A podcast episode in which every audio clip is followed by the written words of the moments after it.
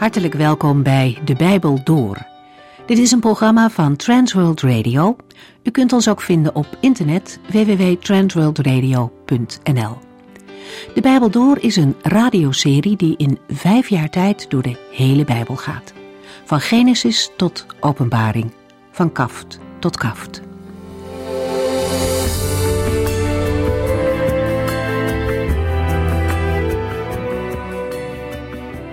We lezen vandaag verder in het zesde hoofdstuk van het Bijbelboek Openbaring. En voor het verband kijken we eerst nog even terug naar de vorige gedeelte.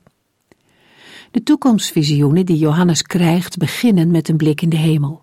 Daar is de Heere God op zijn troon het middelpunt. De toekomst van de aarde en heel de schepping is in Gods hand. Hij regeert en dat wordt duidelijk als we openbaring lezen.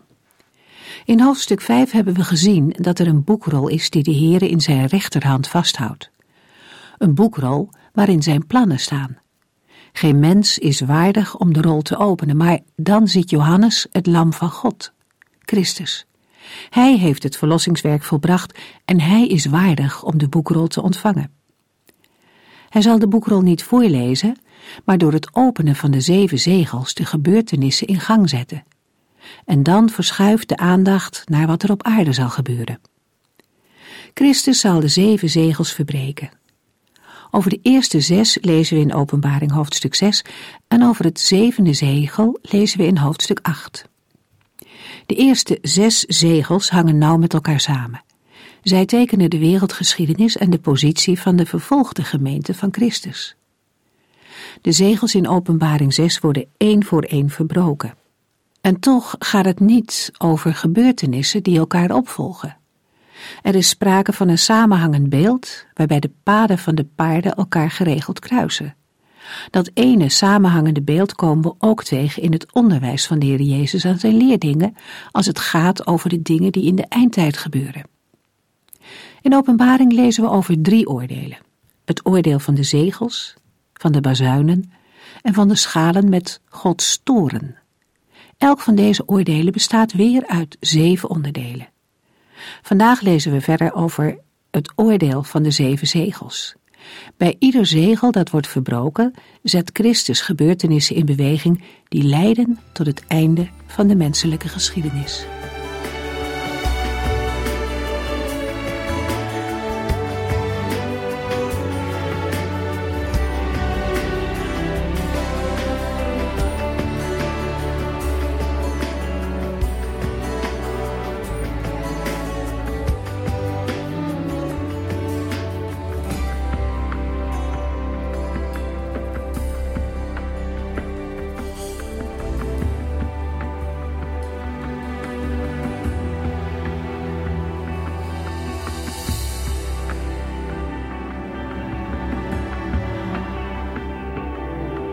In de vorige uitzending zijn we al ingegaan op het eerste vers van Openbaring 6. Het sluit nauw aan bij Openbaring 5. Wel verschuift de aandacht van de hemel naar wat er op aarde gebeurt. Het Lam, Christus, heeft in de hemel de boekrol met de zeven zegels uit Gods hand ontvangen. En in vers 1 wordt de eerste van de zeven zegels verbroken. De eerste zes zegels komen in Openbaring 6 aan de orde en het zevende in Openbaring 8. De gebeurtenissen op aarde die beschreven worden, lijken op de dingen waarover de Heer Jezus spreekt in zijn onderwijs over de laatste dingen in de Bijbelboeken Matthäus, Marcus en Lucas. Openbaring 6 roept ook associaties op met verschillende tekstgedeelten uit het Oude Testament. De ruiters en de kleuren van hun paarden herinneren met enige variatie aan teksten uit het Bijbelboek Zacharia. Een zevenvoudige straf voor zonden lezen we al in het Bijbelboek Leviticus. En de inhoud van de eerste vier zegels doet denken aan Ezekiel 14. Het lam, Christus, opent het eerste zegel en als gevolg daarvan roept een van de vier levende wezens: Kom! Een donderende stem is een heel luide stem. Bedoeld is dat de hele wereld de gevolgen van dit roepen gewaar wordt. Deze gang van zaken herhaalt zich met kleine variaties bij het openen van de volgende zegels. Openbaring 6, vers 1 en 2. Ik zag dat het lam een van de zeven zegels verbrak. En ik hoorde een van de vier wezens met donderende stem zeggen: Kom! Verder zag ik een wit paard. Op het paard zat iemand met een boog in zijn hand. En hij kreeg een kroon op zijn hoofd. Hij trok erop uit als overwinnaar naar zijn volgende overwinning. Johannes ziet dat de oproep van een van de vier levende wezens wordt beantwoord en vestigt met de woorden: Verder zag ik de aandacht op wat er gebeurt.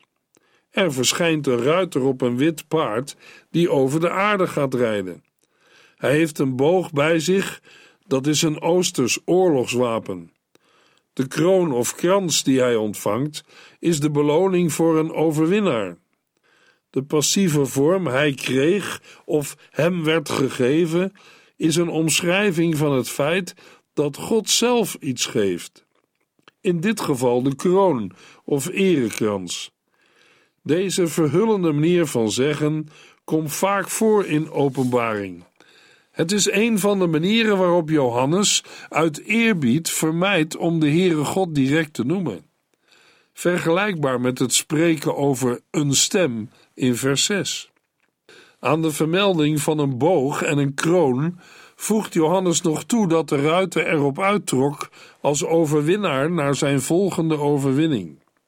Deze uitdrukking wijst op de zekerheid dat de ruiter ook in de toekomst zal overwinnen. De identiteit van de ruiter op het witte paard is omstreden.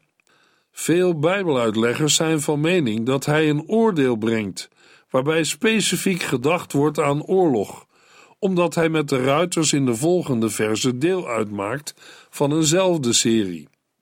Voor deze opvatting kan gewezen worden op parallellen met de kleuren van de paarden in Zacharia 6 en op overeenkomsten met de valse Christussen in Marcus 13 en met de valse apostelen in 2 Korintiërs 11. Volgens sommigen is deze ruiter zelfs de antichrist. Volgens de voorstanders van deze opvatting zou deze ruiter Christus niet kunnen zijn, omdat dan het lam dat de zegels opent zijn eigen optreden zou aankondigen. Daarbij wordt ook aangevoerd dat de eerste vier zegels onheil inhouden, omdat het Oude Testament op verschillende plaatsen een viervoudig onheil voorzegt. Maar andere Bijbeluitleggers zijn van mening dat de ruiter op het witte paard wel Christus kan zijn. Argumenten hiervoor zijn de parallellen met Psalm 45 en Openbaring 19 en het feit dat de kleur wit elders in het Bijbelboek Openbaring een positieve betekenis heeft. Als ook het ontbreken van de vermelding van een concrete nood of ramp in vers 2. Dat de ruiter op het witte paard dezelfde persoon zou zijn als het lam, blijft een probleem. Daarom is wel voorgesteld dat de ruiter in Openbaring 6, vers 2 opgevat moet worden als beeld van de wereldwijde verkondiging van het Evangelie. In het onderwijs van de Heer Jezus over de laatste dingen is de evangelieverkondiging namelijk ook een positieve uitzondering in de serie rampen en oordelen. Deze uitleg sluit ook aan bij het feit dat de volgende ruiters evenmin individuele personen zijn.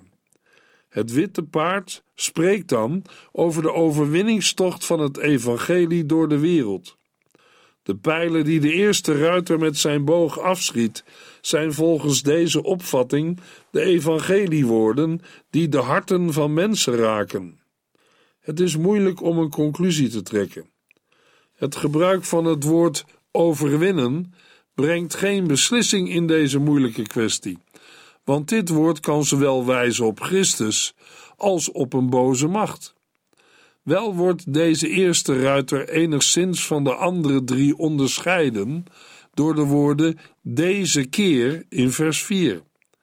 Maar het gegeven dat de volgende drie paarden oordelen brengen, blijft een argument voor de opvatting dat de ruiter op het eerste paard eveneens een oordeel brengt. Openbaring 6, vers 3 en 4. Het lam verbrak het tweede zegel, en ik hoorde het tweede wezen zeggen: Kom! Deze keer kwam er een rood paard. Er zat iemand op die een groot zwaard kreeg. Hij moest de vrede van de aarde wegnemen, zodat de mensen elkaar zouden afslachten. In vers 3 herhaalt zich met kleine variaties wat ook al in vers 1 gebeurde. Het lam, dat in de Griekse tekst niet uitdrukkelijk wordt genoemd, opent een volgend zegel. Als gevolg hiervan roept een volgend levend wezen de volgende ruiter naar voren, en deze gaat over de aarde rijden. Na het openen van het tweede zegel ziet Johannes een tweede paard, dat rozig of rood van kleur is. Rood is de kleur van bloed. De ruiter die erop rijdt veroorzaakt bloedvergieten op aarde. De woorden deze keer in vers 4 en in de zin deze keer kwam er een rood paard kan inhouden dat dit rode paard in een bepaald opzicht verschilt van het vorige. Daarmee kunnen de woorden invloed hebben op de uitleg van vers 2. Bij de uitleg van vers 2 is het probleem van het witte paard al aan de orde geweest. In Openbaring 6, vers 2 kan Christus de ruiter op het witte paard niet zijn. Wij kiezen ervoor dat de ruiter in Openbaring 6, vers 2 opgevat moet worden als beeld van de wereldwijde verkondiging van het Evangelie. In een andere Bijbelvertaling lezen we in Openbaring 6, vers 4: En een tweede, een rozig paard, kwam, en hem die erop zat, werd gegeven de vrede van de aarde weg te nemen, en dat zij elkaar zouden slachten, en hem werd een groot zwaard gegeven. De gebruikte passieve vorm hem werd gegeven, wordt door Johannes gekozen om aan te duiden dat de Heere zelf aan de ruiter op het rode paard opdrachten geeft. De ruiter op het rode paard richt een groot bloedbad aan op aarde. De uitdrukking de vrede wegnemen wijst op oorlogen, terwijl het woord elkaar in de zin elkaar zouden slachten doet denken aan burgeroorlogen. Dat de Heere zijn bescherming en vrede kan wegnemen, lezen we al in Jeremia 16 vers 5 waar de Heere tegen Jeremia zegt: Ga niet naar hun begrafenissen. Treur en huil niet om hen en ga ook niet condoleren, want ik heb mijn bescherming en vrede van hen weggenomen, mijn liefdevolle zorg en genade teruggetrokken. Zo diep kan de zonde en de ongehoorzaamheid inslaan, dat de Heere harde maatregelen moet treffen om mensen tot inkeer te brengen. Er hebben genoeg waarschuwingen geklonken. En steeds maar weer kwamen boodschappers van God de mensen waarschuwen en verkondigden zij de liefde van God en zijn zegen aan een ieder die gelooft. Maar als niemand luistert, dan moeten heren andere maatregelen treffen. Net als vaders en moeders die hun ongehoorzame kinderen op de goede weg proberen te houden. Ze zijn soms genoodzaakt om strenge maatregelen te nemen om erger te voorkomen. Maar zullen de mensen luisteren? En u, jij en ik? Vaak is het eerste wat wij roepen: God, waarom moet mij dit overkomen? Of waarom laat u het toe? Maar een strenge maatregel kan ook een waarschuwing zijn, omdat de Heere u, jou en mij niet kwijt wil raken. Het kan ook een beproeving zijn waaruit een getuigenis van volharding mag voortkomen tot eer van God. Daaruit mag blijken dat ons geloof geen bevlieging of tijdelijke zaak is. Dat de vrede wordt weggenomen van de aarde, wijst op de wereldwijde omvang van het bloedvergieten. Aan deze omschrijvingen van oorlogen en burgeroorlogen voegt Johannes nog eens toe dat de ruiter op het rode paard een groot zwaard kreeg. Het zwaard, een symbool van strijd en verdeeldheid. Het karakteriseert en kenmerkt de ruiter op het rode paard. Op dezelfde wijze als de eerste ruiter door zijn boog en de derde ruiter door zijn weegschaal wordt gekenmerkt. De gedachte dat de Heer God de gelovigen niet tegen alle onheil beschermt, komt vaker voor in het Bijbelboek Openbaring. Een paar voorbeelden. We hebben in Openbaring 2, vers 9 tot en met 11 gelezen: Ik weet hoe u omwille van mij vervolgd wordt, en in wat voor armoede u leeft, hoewel u rijk bent.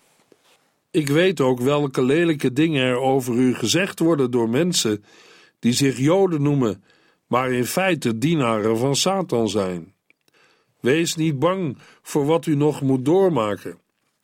De duivel zal sommigen van u in de gevangenis gooien om u op de proef te stellen. U zult tien dagen zwaar te lijden hebben. Blijf mij trouw tot in de dood, dan zal ik u de erekrans van het eeuwige leven geven. Als u oren hebt, luister dan naar wat de geest tegen de gemeente zegt. Wie overwint, zal niet door de tweede dood getroffen worden. De tweede dood is de straf die de ongelovige straks bij het laatste oordeel ten deel zal vallen, maar waarvan de gelovigen worden gevrijwaard. Het is een eeuwige dood. Het begrip komt terug in Openbaring 20, vers 14 en 21, vers 8 waar dit lot van de verlorenen wordt beschreven als een poel die brandt van vuur en zwavel, of als het brandende zwavelmeer. Een ander voorbeeld dat de Heer God de gelovigen niet tegen alle onheil heeft beschermd, lezen we in Openbaring 6, vers 9 tot en met 11. Toen het lam het vijfde zegel verbrak, zag ik onder het altaar de zielen van hen die vermoord waren omdat zij de boodschap van God geloofd hadden en daar openlijk voor waren uitgekomen. Zij riepen luid: U bent een heilig heerser en u houdt uw woord. Hoe lang duurt het nog voordat u wraak neemt voor wat zij ons hebben aangedaan? Zij kregen allemaal een wit kleed en hun werd gezegd dat zij nog even moesten wachten. Eerst zou het aantal mededienaren en broeders en zusters dat ter wille van Christus gedood zou worden, voltallig moeten zijn. Ten slotte nog een derde voorbeeld uit Openbaring 17, vers 6. Ik zag dat de vrouw dronken was van het bloed van Gods kinderen, het bloed van hen die openlijk over Jezus hadden gesproken. De vrouw of de grote hoer is dronken van het bloed van de martelaren van Gods kinderen. Het zijn voor de lezers van het Bijbelboek Openbaring geen onbekende woorden. We lezen de woorden al in het Oude Testament. Bijvoorbeeld in de context van Jesaja 34, waar het gaat over Gods oordeel over zijn vijanden. We lezen in Jesaja 34 vers 7 en 8 Hun leger zal het onderspit delven, alsof het ging om wilde stieren en buffels. Het land zal worden doordrenkt met bloed en de aarde zal glimmen van het vet. Want het is de dag van de wraak, het jaar van vergelding voor wat Edom Israël heeft aangedaan. Een ander voorbeeld vinden we in Jesaja 49 vers 26, waar we lezen: Ik zal uw vijanden hun eigen vlees te eten geven en zij zullen dronken worden van de stromen van hun eigen bloed. De hele wereld zal goed weten dat ik, de Heere, uw redder en verlosser ben, de machtige Israëls. We lazen in Openbaring 17, vers 6: Ik zag dat de vrouw dronken was van het bloed van Gods kinderen, het bloed van hen die openlijk over Jezus hadden gesproken. Veelal wordt aangenomen dat het hier om één en dezelfde groep martelaren gaat, en dat het bloed van Gods kinderen en van hen die openlijk over Jezus hadden gesproken, wijst op de vervolging van de christelijke gemeente in de eindtijd. Maar in de Griekse tekst van Openbaring 17, vers 6 lezen we: En ik zag de vrouw dronken van het bloed der heiligen en van het bloed der getuigen van Jezus door de herhaling van de woorden en van het bloed van, is het ook mogelijk dat het hier gaat om twee afzonderlijke groepen, namelijk de heiligen en de getuigen van Jezus. We kunnen bij deze twee afzonderlijke groepen dan denken aan gelovigen en profeten. Openbaring 6, vers 5. Toen het lam het derde zegel verbrak, hoorde ik het derde wezen zeggen: Kom! En ik zag een zwart paard met iemand erop die een weegschaal in de hand hield. Met een kleine variatie herhaalt zich wat ook in de versen 1 en 3 gebeurde. Het lam, in de Griekse tekst opnieuw niet uitdrukkelijk genoemd, opent een volgend zegel. Een derde levend wezen roept daarop een volgende ruiter naar voren, die over de aarde gaat rijden. Het paard dat deze keer verschijnt is zwart, een kleur die destijds, evenals tegenwoordig, met name negatieve gedachten opriep. De kleur zwart werd verbonden met honger en rouw. De derde ruiter heeft een weegschaal bij zich. De weegschaal symboliseert voedselschaarste en zelfs hongersnood omdat in tijden van honger het nog aanwezige voedsel in afgewogen porties moest worden uitgedeeld. Het Griekse woord, wat vertaald is met weegschaal, betekent met name juk en in afgeleide zin balans. Een dergelijke balansweegschaal bestond uit een horizontale staaf of balk die aan een touw werd opgehangen. Aan beide uiteinden van de staaf hingen bakken of schaaltjes. In de ene bak werden gewichten geplaatst en in de andere handelswaar. Dat het optreden van de ruiter op het zwarte paard inderdaad schaarste veroorzaakt, wordt bevestigd in het volgende vers. Openbaring 6, vers 6. Er kwam een stem uit het midden van de vier wezens die zei: Een maat tarwe voor een dagloon en drie maten gerst voor een dagloon. En doe voorzichtig met de olie en de wijn. In vers 6 lezen we meer over de betekenis van de ruiter op het zwarte paard. Johannes hoort een stem de situatie beschrijven die ontstaat door het optreden van de ruiter. De stem zal, gelet op het verband, toebehoren aan de Heere God of het Lam. De stem klinkt namelijk uit het midden van de vier wezens, dat wil zeggen van de plaats van de troon, waarop het lam samen met de Heere God zit. Het gaat in elk geval om een stem die met gezag spreekt. In het Bijbelboek Openbaring gebeurt het vaker dat God en Christus niet met name worden genoemd, maar omschreven.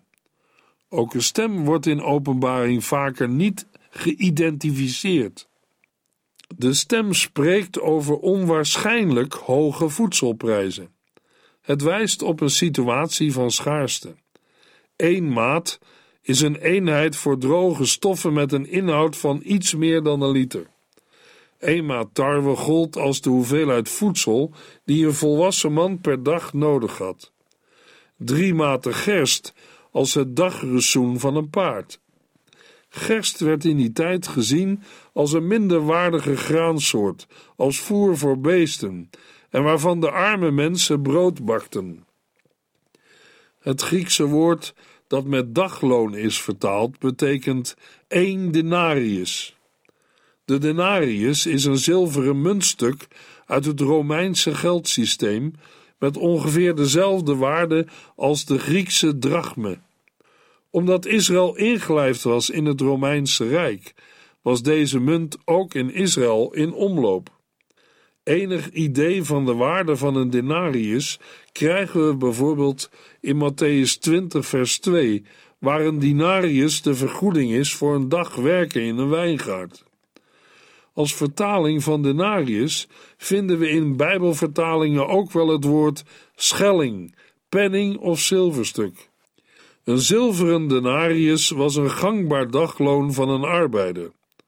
De genoemde prijzen zijn zo hoog dat ze betekenen dat iemands dagloon volledig opgaat aan voedsel, het zij voor zichzelf, het zij voor zijn vee. Toch is er alleen sprake van schaarste en hoge prijzen, nog niet van een volledige hongersnood. Dat blijkt ook uit het feit dat olie en wijn nog beschikbaar zijn, want we lazen: en doe voorzichtig met de olie en de wijn. Olie en wijn zijn in Openbaring zes aanduidingen van de olijfboom en de wijnstok, planten die meerdere jaren nodig hebben voordat ze vrucht dragen. Aan deze meerjarige gewassen mag de ruiter op het zwarte paard geen schade toebrengen. In de Griekse tekst lezen we met betrekking tot de olie en wijn: U moet de olie en de wijn niet beschadigen. De betekenis is hetzelfde. Aan deze meerjarige gewassen mag de ruiter op het zwarte paard geen schade toebrengen. Over de betekenis van deze beperking van de macht van de ruiter op het zwarte paard wordt door Bijbeluitleggers verschillend gedacht. Diverse uitleggers zien olie en wijn als luxe producten en denken dat de tekst zinspeelt op een kloof tussen arm en rijk. De betekenis is dan dat het noodzakelijke voedsel nauwelijks verkrijgbaar is, terwijl er een normaal aanbod aan luxe producten is. De maatregel met betrekking tot de olie en de wijn maakt volgens deze opvatting de situatie nog schrijnender en is daarmee een verscherping van het oordeel. Andere Bijbeluitleggers zien met een beroep op Joel 1 olie en wijn juist als basiselementen van de voeding. Het meest waarschijnlijke is een derde verklaring, namelijk dat olie en wijn genoemd worden als de destijds gebruikelijke medicamenten, bijvoorbeeld in de geschiedenis van de barmhartige Samaritaan in Lucas 10. Zo opgevat hangt de schaarste direct samen met de oorlogssituatie, waarmee deze uitleg het beste in het tekstverband past. De roepende stem verbiedt dat de zorg voor de gewonden wordt belemmerd. Volgens de laatste twee opvattingen is de maatregel om olie en wijn te sparen dan een verzachting van het oordeel. Dergelijke verzachtingen vinden we vaker bij oordelen die plaatsvinden voor het grote eindoordeel. Openbaring 6, vers 7. Toen hij het vierde zegel verbrak, hoorde ik het vierde wezen zeggen: Kom! Met een kleine variatie, namelijk de vermelding van de stem, herhaalt zich opnieuw wat in de versen 1, 3 en 5 gebeurde. Het lam wordt ook hier niet uitdrukkelijk genoemd. Het lam opent nu het vierde zegel. Met als gevolg dat het vierde levende wezen de vierde ruiter naar voren roept. En ook deze ruiter begint aan een tocht over de aarde. Maar daarover meer in de volgende uitzending.